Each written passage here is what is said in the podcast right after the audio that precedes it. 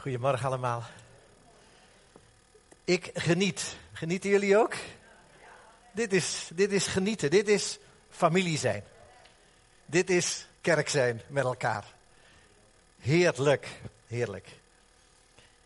Een eh, paar weken geleden hadden jullie een, uh, een bijeenkomst waar de jongeren alle, al hun dingen naar voren hebben gebracht.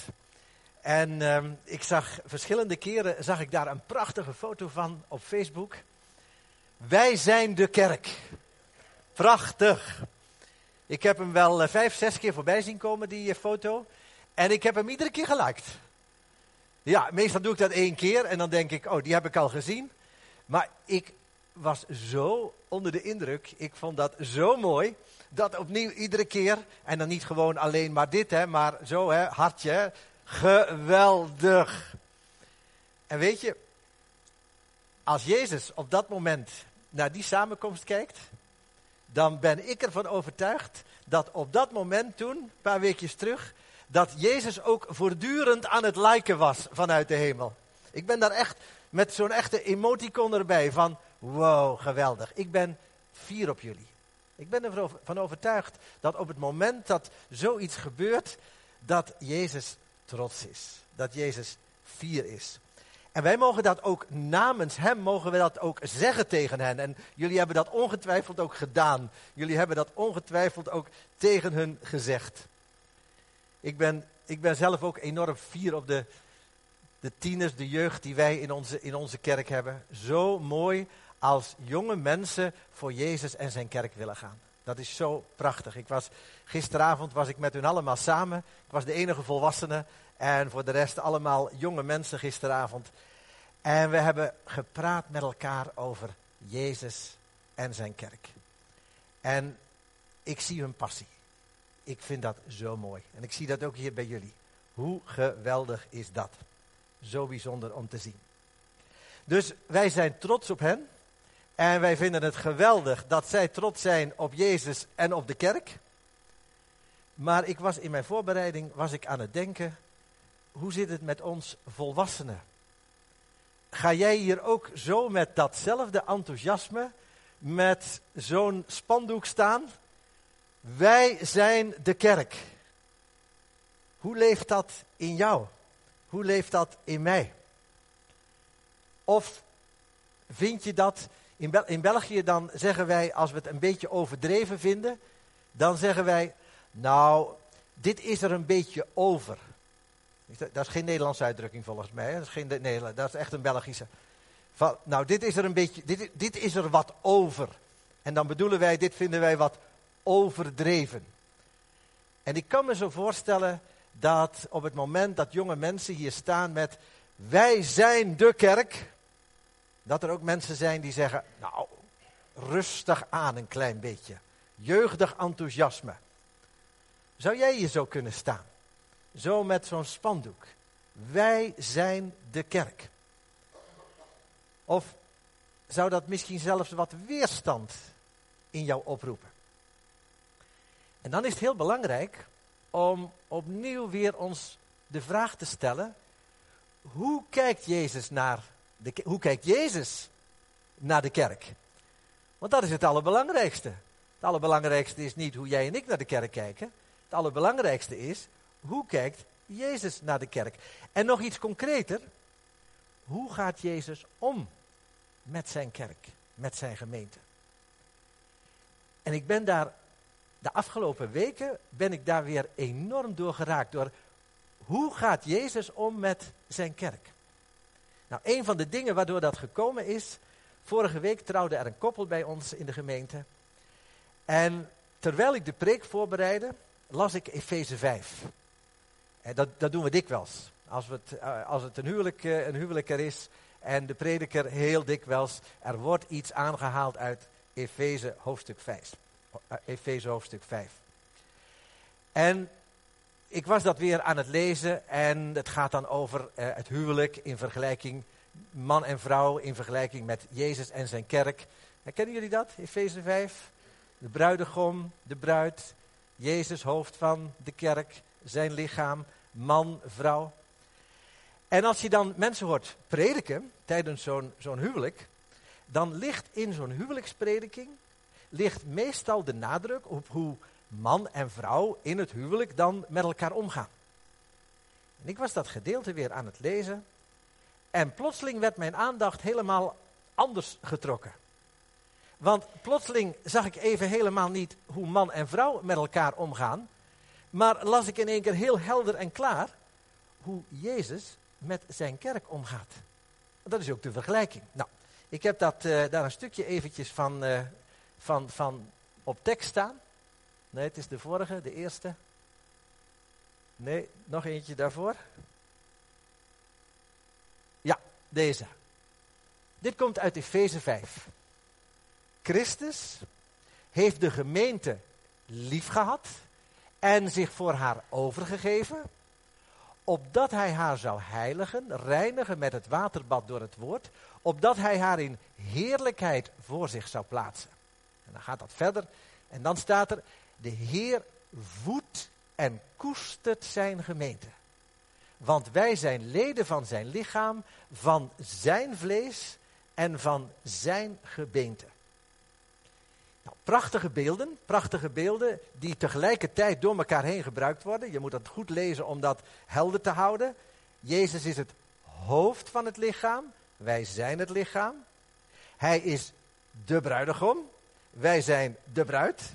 Meerdere beelden tegelijkertijd die in dit verhaal worden aangehaald. Maar laten we nu vooral eens kijken, hoe is het hoofd, Jezus, actief? Hoe is de bruidegom actief? En dat staat heel helder in dit gedeelte. Want, kijk eens hoe Jezus met ons omgaat als kerk. Hij spreekt tot ons en hij voedt en hij koestert ons. Hij voedt en koestert. Ik ga daar zo meteen iets heel, vind ik heel mooi over zeggen. Hij voedt en hij koestert ons. Dat is wat Jezus met ons aan het doen is. Maar nog eventjes naar dat, gedeelte. Want hier staat ongelooflijk veel in, in een paar versen. We spreken regelmatig over de eerste komst van Jezus en de tweede komst van Jezus.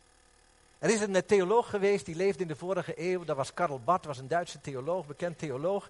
En die zei, wij leven, hij was een Duitser, wij leven zwischen den Zeiten. Wij leven tussen twee ongelooflijk belangrijke momenten. De belangrijkste momenten in de menselijke geschiedenis. Het eerste moment is de eerste komst van Jezus. Waarbij hij, en dat staat daar, waarbij hij zich voor de gemeente heeft overgegeven. Jezus ging naar het kruis met het oog op zijn kerk. Met het oog op al die mensen die hem zouden gaan volgen en die samen zijn gemeente zouden gaan volgen. Met het oog daarop heeft Jezus zich overgegeven. En wij wachten op de tweede komst. En dat staat hier ook beschreven. De tweede komst, want dat is het grote doel wat Jezus heeft, dat hij zijn gemeente in heerlijkheid voor zich zal plaatsen. Dat is toch ongelooflijk? Dit is toch, dit is toch super? In, in één gedeelte lezen we over de eerste komst van Jezus, waarom hij zich overgegeven heeft voor de kerk. En bij zijn tweede komst, zijn grote doel is dat hij zijn kerk voor zich zal plaatsen. Stel je voor de bruidegom, die de bruid voor zich zal plaatsen en die zo fier is, zo trots is op zijn bruid. Wij leven tussen die tijden. En wij leven dus, in welke tijd leven wij dan? Wij leven in de tijd dat Jezus spreekt. Dat hij spreekt door zijn woord en dat hij zijn gemeente voedt en koestert. Nou, dat is toch een mooi beeld. Voeden en koesteren. Ik ben die woorden is opge... En ik vermoedde al dat wat ik ging ontdekken, dat, dat, er zo, zo, dat het ook die betekenis had. Ik ging die woorden opzoeken in het Grieks. En dat voeden en koesteren, dat zijn woorden die hebben direct te maken met een mama die haar baby aan de borst heeft. En die haar baby voedt en koestert. Eigenlijk weer een ander beeld dus. Hè? Bruidegom en bruid, Jezus, hoofd, lichaam. Maar hier is nog een ander beeld. Zo'n mooi, bijzonder beeld. Een mama met haar baby, die ze borstvoeding geeft. En ik stelde me dat zo voor. Ik zit zelf ook weer helemaal in de. Ik zit nu in de kleinkinderen. Ik heb dat natuurlijk meegemaakt toen mijn kinderen klein waren, dat mijn vrouw borstvoeding gaf. En nu zie ik weer hoe die. En ik zie dat niet gebeuren natuurlijk, hoe dat die, die, die, die schoondochters en dochters van mij dat doen. Want dat gebeurt mooi onder een doek. Maar ik weet wel met wat voor liefde dat dat gebeurt. Met wat voor koestering dat dat gebeurt. En ik weet ook zeker dat op het moment dat mama en baby, dat ze met z'n tweetjes zijn, dan is er geen doek. En dan kijkt baby recht in de ogen van mama. En mama kijkt recht in de ogen van baby. Er wordt niet alleen gedronken, maar er wordt ook gekoesterd. Er is oogcontact. Er wordt liefde uitgewisseld. Er wordt gegeven en er wordt ook ontvangen. De baby ontvangt en geeft ook terug. Maar het begint bij ontvangen. De baby ontvangt en tijdens het ontvangen begin, beginnen de oogjes, denk ik, te stralen. En begint de baby terug te geven. Liefde aan de mama. En de mama die zegt lieve woordjes, terwijl ze voedt. Ze spreekt. Dus het, het spreken, het voelen, het, het voeden, het koesteren, het geven, het ontvangen, het zit er allemaal in. In dit prachtige beeld. Hoe mooi is dat? En hoe bijzonder is het op het moment dat je dan gaat bedenken dat Jezus ons op die wijze met zoveel liefde ons voedt en ons koestert. Hoe mooi is dat? En weet je, laten we daar nu eventjes nog even op verder gaan. Want als wij ons door Jezus laten toespreken, als wij ons door Jezus laten voeden, als wij ons door Jezus laten koesteren, als wij van Jezus ontvangen, wat gaat de automatische reactie zijn? We gaan teruggeven. Automatisch. Vanuit ontvangen ga je geven. Kennen jullie dat gedeelte uit 1 Johannes? Wij hebben lief omdat Hij ons eerst heeft lief gehad. Misschien moeten we het gewoon een keertje allemaal zeggen. Want je kunt dat ook in ik zeggen natuurlijk. Je kunt ook zeggen, ik heb lief omdat Hij mij eerst heeft lief gehad. Zullen we dat zeggen met elkaar? Ik heb lief omdat Hij mij eerst heeft lief gehad. Ik heb lief omdat Hij mij eerst heeft lief gehad. Weet je, op het moment dat je deze woorden zegt, dan, dan voel je misschien ook al die koestering. Dan voel je die voeding, die voel je komen. Hij heeft mij lief. Jezus heeft mij lief. En ik heb hem lief, omdat hij mij eerst heeft lief gehad. Wij zijn de kerk. Waarom zijn wij de kerk? Omdat Jezus zich voor jou en mij heeft weggegeven. En met het oog op jou. En niet alleen met het oog op jou persoonlijk, maar met het oog op zijn hele kerk. Hij heeft zich weggegeven. En dan wil ik nog één keer dat beeld aanhalen van die baby met, met die mama. Want eh, als een baby drinkt aan de borst van de mama, dan mag hij die borst helemaal leeg drinken. Dan zeggen mijn dochters en schoondochters ook wel, ik ben nu weer helemaal leeg.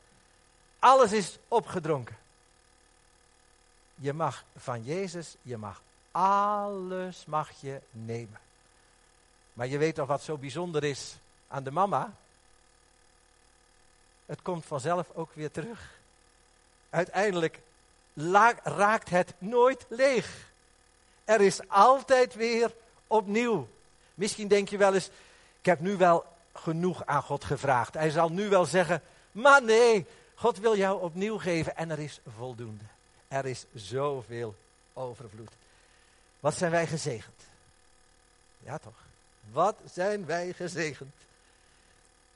Wij zijn het lichaam van Jezus. Wij zijn de kerk. Wij zijn de bruid. Je kunt het met zoveel woorden kun je het omschrijven. Maar wij zijn het. Hoe je het ook omschrijft. Weet je, weten jullie trouwens wat het, het woord kerk, wat dat betekent? Weet, weet iemand dat? Waar dat vandaan komt, het woord kerk? Ja, van? Doe maar. het woord kerk komt eigenlijk van het woord Kyriakos. En Kyriakos, daar hoor je het woord Kyrios, hoor je daarin, heer. En het woord huis, oikos, zit daar, ook in, zit, daar ook, zit daar ook in. Maar eigenlijk betekent Kyriakos, dat betekent gewoon van de Heer. Dus als je zegt, ik ben de kerk, dan zeg je, ik ben van de Heer. Dat, dat koppel wat vorige week trouwde in onze kerk, die hadden als huwelijkstekst een tekst uit Hooglied. En dat was de tekst, ik ben van mijn lief en mijn lief is van mij. Nou, mooier kun je het niet vergelijken met ik ben van de Heer. Het boek Hooglied gaat ook over Jezus en zijn kerk. Gaat ook over God en zijn volk. Ik ben van mijn lief, mijn lief is van mij. Ik ben van de Heer. Als je het ook bent, mag je het zeggen. Ik ben van de Heer. Ik ben van de Heer. Ik ben de kerk. Ja, ik ben de kerk, want dat betekent het. Kerk betekent van de Heer. En Kyriakon, dat is dan Kyriakos, Kyriakon. Kyriakon betekent dan huis van de Heer. Dus als je zegt, wij zijn de kerk, dan zeg je, wij zijn het huis van de Heer. Dus op het moment als wij zingen met elkaar, vul dit huis met uw glorie, dan zeggen we eigenlijk, vul de kerk met uw glorie. Dat is wat we aan het zingen zijn.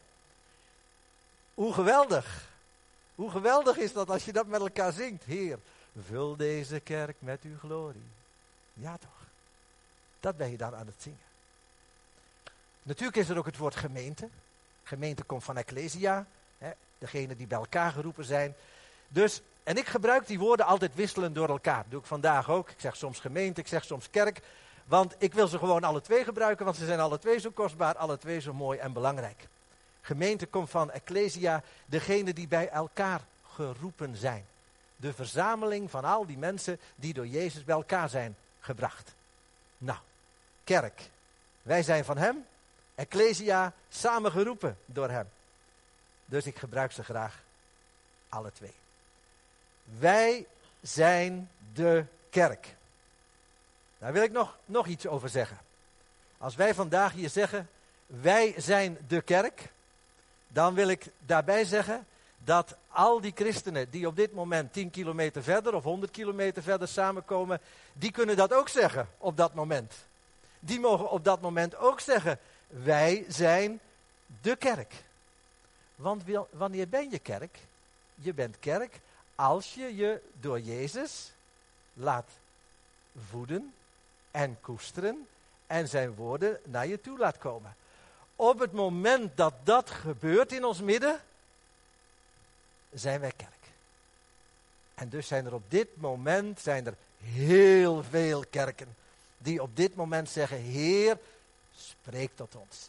Heer, laat uw liefde, laat die vloeien in ons midden. En Heer, wat wij van u ontvangen, dat willen wij ook weer doorgeven. Dus het staat mij sinds een paar weken nog weer helderder en beter voor ogen hoe dat Jezus met zijn kerk omgaat. En weet je, als je het Nieuwe Testament leest, dan zie je ook dat de apostelen, die hadden dat ook helemaal helder. Die hadden dat helemaal begrepen. Weet je wie een van de eersten is die dat heel helder voor ogen had en die daar ook veel over geschreven heeft? Dat is Paulus. En je zou misschien zeggen, zal Johannes zijn. Johannes ook. Maar ook Paulus. Je moet eens kijken wat er in 1 Thessalonicense 2 vers 7, wat daar staat. Toon eens even die volgende sheet.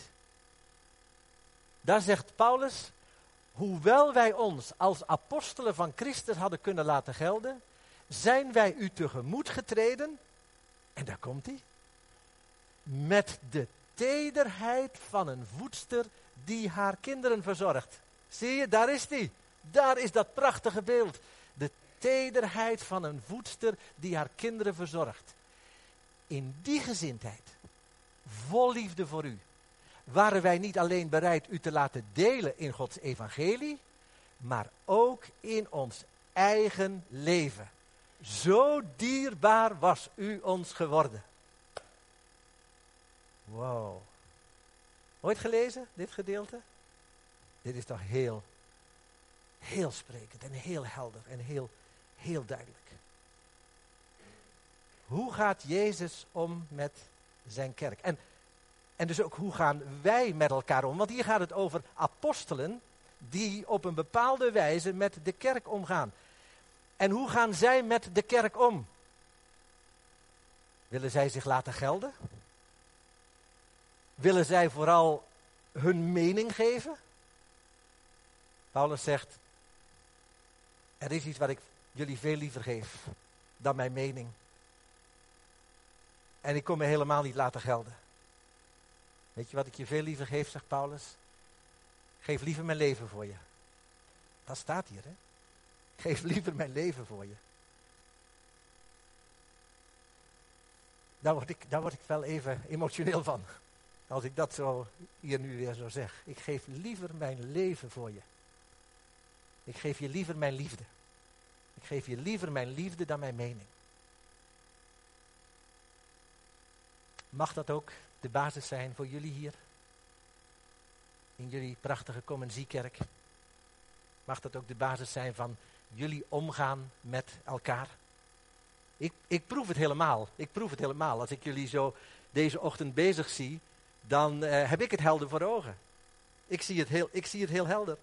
Ik zeg, wow, Heer, hier is liefde.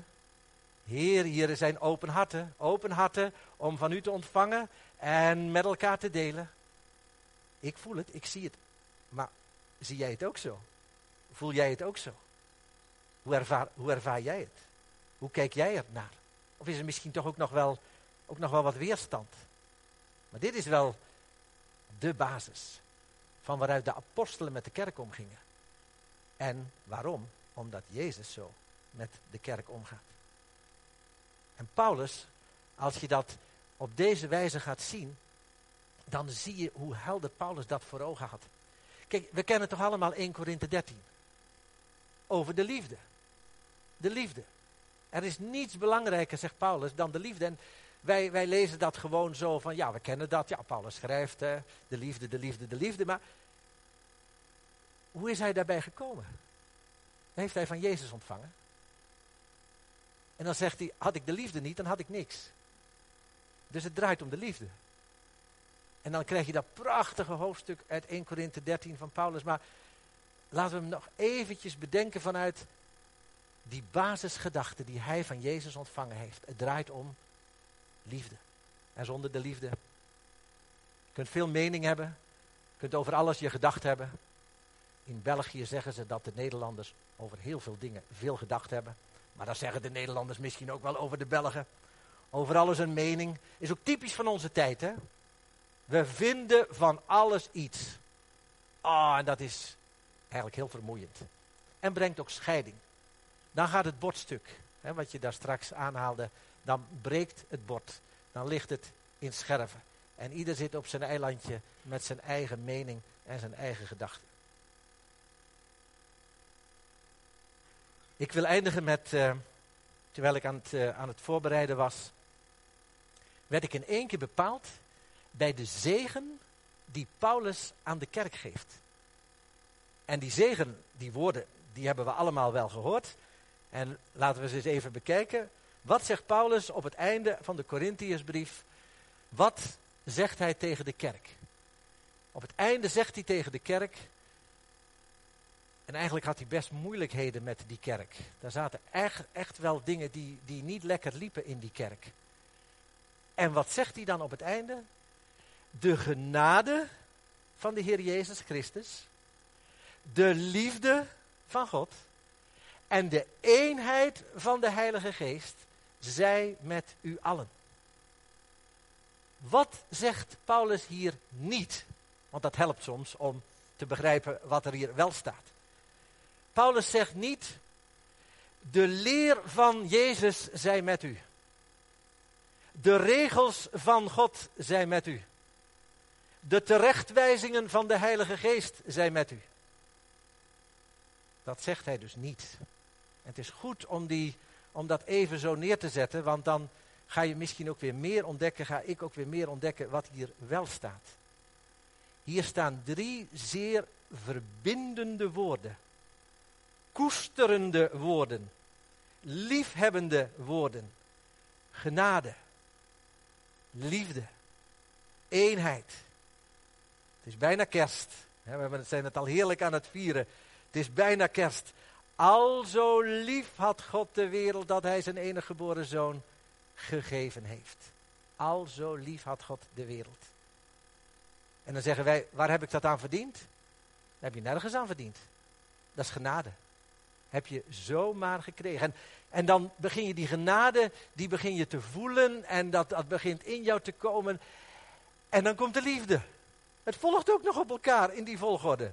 Genade, liefde, eenheid.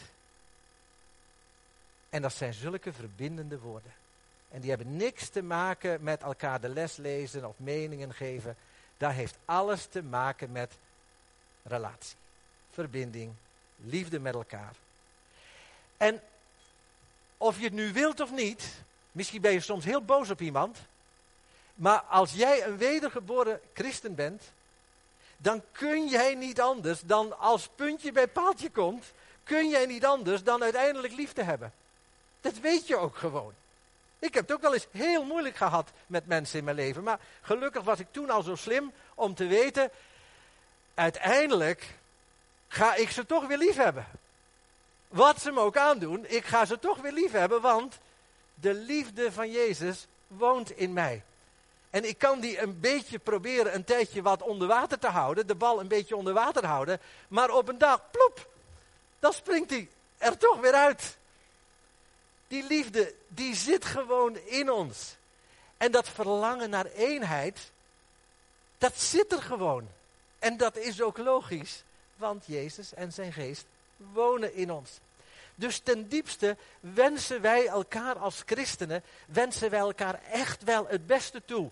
Ook al tonen we dat soms niet aan elkaar en lijkt dat soms heel anders.